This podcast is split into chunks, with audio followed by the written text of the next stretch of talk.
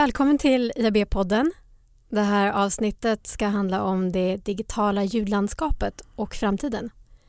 Jag heter Maria Hagman och med mig har jag Mattias Björkman, digital affärsutvecklingschef från Bauer Media och ordförande för IABs Task Force Audio. Välkommen. Tack. Och Tack. det är i Bauer Studio som vi spelar in det här avsnittet. Yes. Så Mattias, IABs Task Force Audio diskuterar ju allt som rör digitalt ljud. Förutom poddar, som de flesta känner till, vad mer jobbar Taskforcen med? Radio via, via internet såklart som vi jobbar med här på Bauer också. Eh, men även strömmad musik som i Sverige eh, såklart är mycket Spotify. Eh, så det skulle jag säga, poddar, eh, digital radio och strömmad musik är, eh, är de som finns representerade i, i, i taskforcen och det vi jobbar med. Eh, sen så ska man inte glömma ljudböcker som är ett stort medie för eh, digitalt ljud men inte primärt ett annonsmedie idag i alla fall. Så Mm. därför eh, jobbar inte taskforcen aktivt med det just nu. Mm. Så vart är det mest populära då att, att marknadsföra i? För IAB jobbar ju mycket med, med digital marknadsföring. Är det då i, i radio och i musik som det finns plats att annonsera?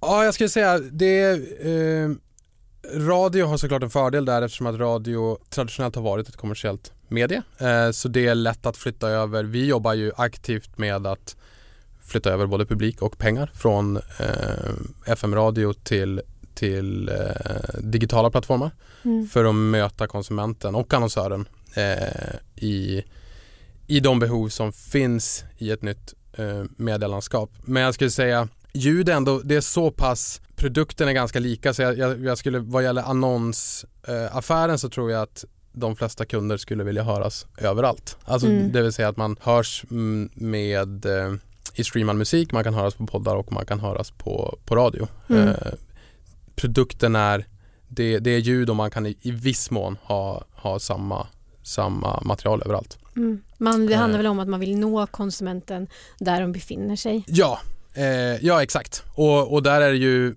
eh, många konsumenter konsumerar ju flera olika typer av ljud såklart. Mm. Precis som man konsumerar flera olika typer av eh, text och, och video. Men vissa är starkare inom, inom vissa målgrupper. Mm. Det som ska sägas i poddar i alla fall till stor del idag och radio är ju enbart, eh, förutom radio pub- public service såklart, så är ju radio helt annonsfinansierat. Mm. Den, som, den som går att lyssna på och poddar eh, också. Eh, Medan en stor del av den svenska publiken på, på strömmad musik är bakom betal, Mm, betaltjänster ja, såklart. Så, så du skulle ändå säga att, det är en, att digitalt ljud eller ljud är en attraktiv marknad att annonsera i? Ja, verkligen såklart eftersom att jag jobbar med det. Mm. Men på vilket sätt Eh, är det en attraktiv marknad att få ut sitt budskap? Ja, men jag skulle tro att, eller det handlar om, det handlar om att man vill nå konsumenten där konsumenten befinner sig Mm. eh, och på de plattformar som konsumenten använder. Det, den enorma fördel som ljud har eh, i ett medielandskap där man konsumerar media allt mer i rörelse, ganska korta konsumtionstillfällen och man har en, man har en, en efterfrågan på att kunna göra andra saker samtidigt medan Mm. man konsumerar. Då passar ljud perfekt. Eh, eh, och på det sättet vill ju också annonsörer eh, nå lyssnare i Mm. vardagen. Oavsett om man pendlar eller om man åker bil eller om man tränar eller på jobbet. Mm. Så det är ett bra medie att nå, Ja. nå konsumenten i vardagen. Eh, Radio har ju traditionellt stått för en liten del av reklamkakan. Tror du att digitalt ljud kommer bli ett större annonsmedia på sikt än vad radio har varit? Eh, ja, det tror jag verkligen. Eh, d- dels, eh, dels på grund av att ljudkonsumtionen kommer öka. Eh, Mm. media, mediakonsumtionen av ljud eh, för att man är i rörelse och man, man vill ha den typen av information när man gör andra saker samtidigt. Eh, men vi kommer också se allt fler enheter eh, och praktiska lösningar där man bara konsumerar eh, information och utför uppgifter med ljud och röst. Några exempel? Eh, till exempel de nya så här, hemmahögtalarna som kommer, Alexa och, eh, och Amazon Echo till exempel, men även bilar i allt större utsträckning Mm. där, man, där det finns av naturliga skäl anledningar att styra saker med rösten. Eh, och sen tror jag vi kommer få se en mängd enheter som eh, alltså, tv-apparater, kylskåp Mhm. eh, etc, etc som, som är skärmlösa också och där man, där man kan göra uppgifter med röst och med ljud.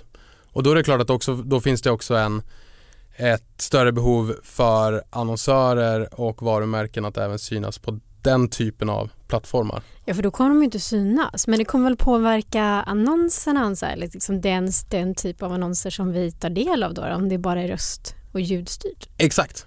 Precis, till och med jag säger att de ska synas på de plattformarna. Mhm. Men det är inte det, då måste man kunna höras Ja. på de plattformarna och det är ju, det blir en utmaning. Ja. Vad kan du se mer för utmaningar då för, för marknadsföring digitalt ljud i Sverige 2018? Om vi ser det bara nästa år. Jag tror att en stor utmaning som radion har levt med, med länge är eh, kreativiteten inom ljud. Det ligger inte inneboende i ljud som medie.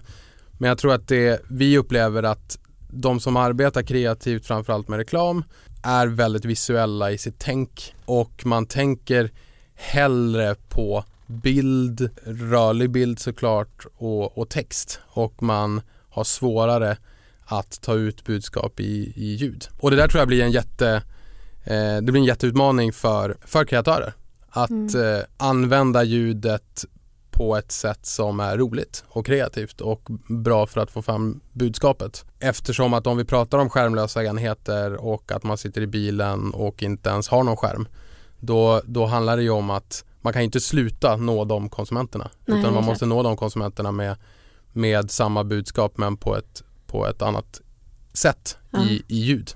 Men varför tror du att det har varit så här då? Jag menar, överlag är väl video större för dem under 20? Mm. Är det för att vi, vi är vi för fixerade vid bild? Eller är det att vi inte ens har börjat tänka på ljud som, som, som den källa som den är? Jag tror, jag tror dels vad, vad det gäller kreatörer så tror jag det handlar om att de som arbetar med reklam och de som väljer den karriären är väldigt visuella. Mm, De, mm. som, de som arbetar med mycket med ljud och eh, är kreativa med ljud arbetar mycket med musik och, Mm. eh, och i viss mån såklart innehållsproduktion och podcast och sådär. Men ehm, så det är en utmaning för branschen och affärsmodellerna ska man säga också. Det är betydligt mycket billigare att göra ljud än att göra eh, rörlig, rörlig bild och bild. Eh, vilket gör att eh, det, man tjänar mer pengar på att göra bild, eh, på att göra bild och rörligt Mm. helt enkelt. Mm.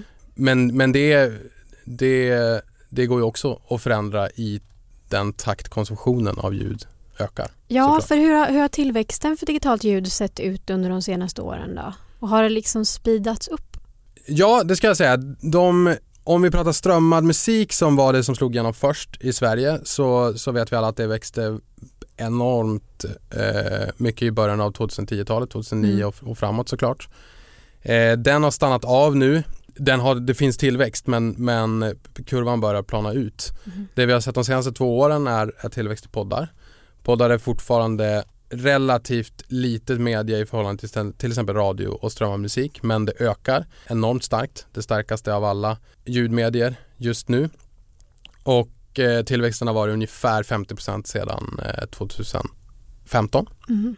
Och Vad är det för åldersgrupp då? Är det, är det de som är, för de som är under 20 tittar mycket på, på video, är de intresserade av, av ljud också? Ja, nej, men det, det vi ser det som är intressant med tillväxten av framförallt poddar är att eh, tillväxten sker 25-35 och inte är så tung under 20. Vilket är en stor skillnad mot för till exempel video där, där eh, Youtube är såklart en, en extremt stor aktör och där tillväxten sker väldigt starkt eller har skett väldigt starkt under 25. Men det är Eh. kanske, men, men beror det på att det kanske inte finns så mycket poddar för de som är under 20 då?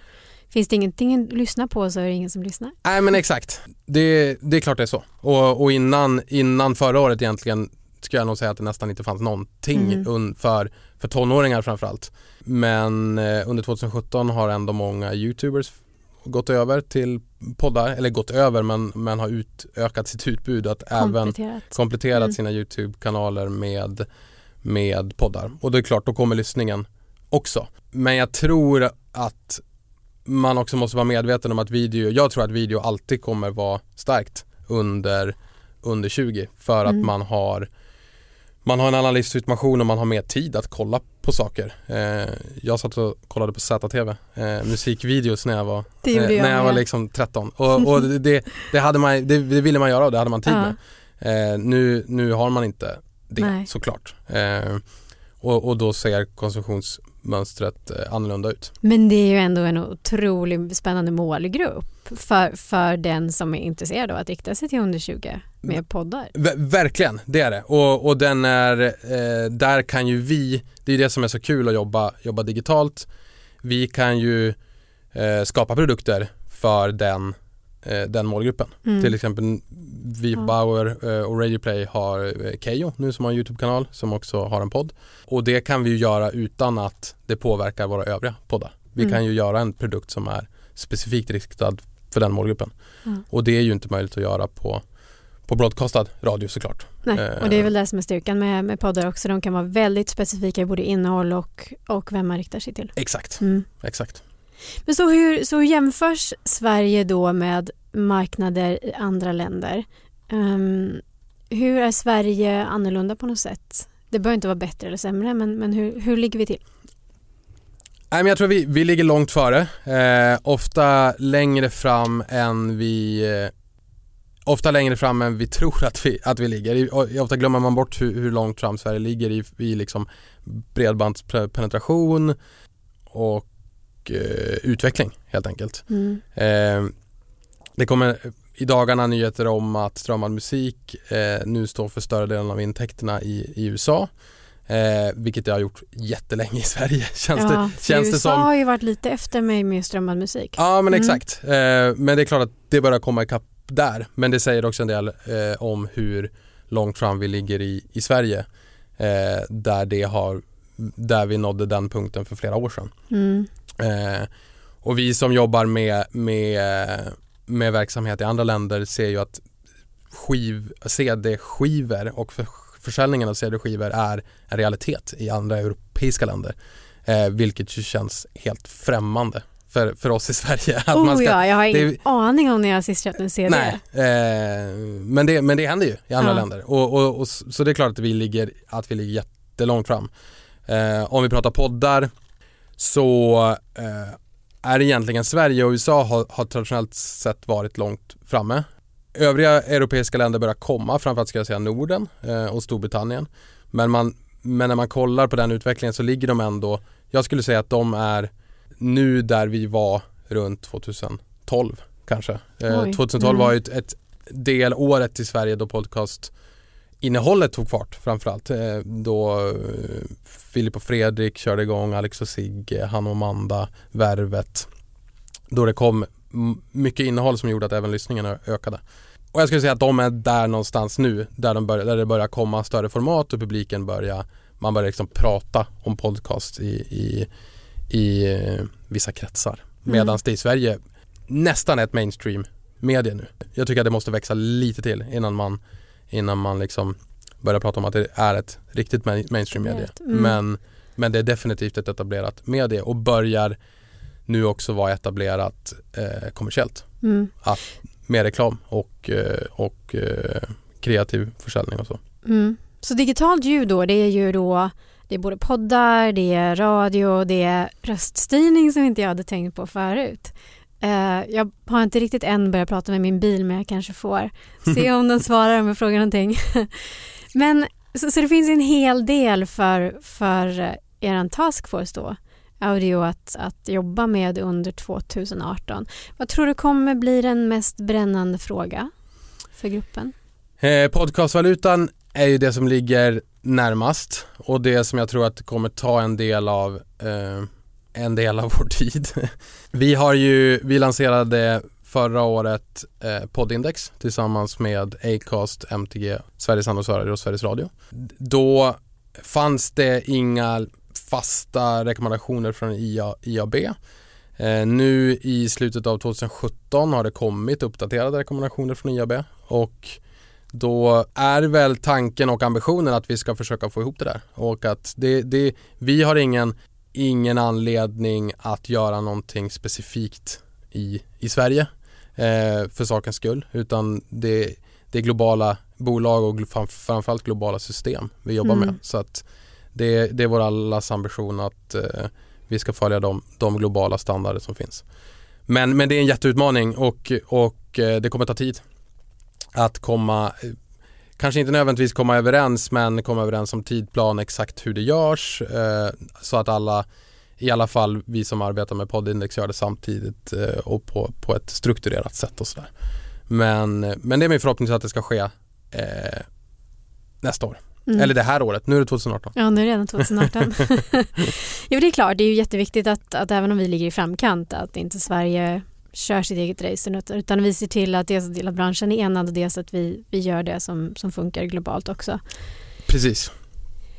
Så tack så mycket för att du ville vara med i IAB-podden Mattias. Mm. Tack så jättemycket. Tack till dig som har lyssnat. Du hittar mer om IAB Sverige, våra seminarier, taskforce och handböcker på iabsverige.se.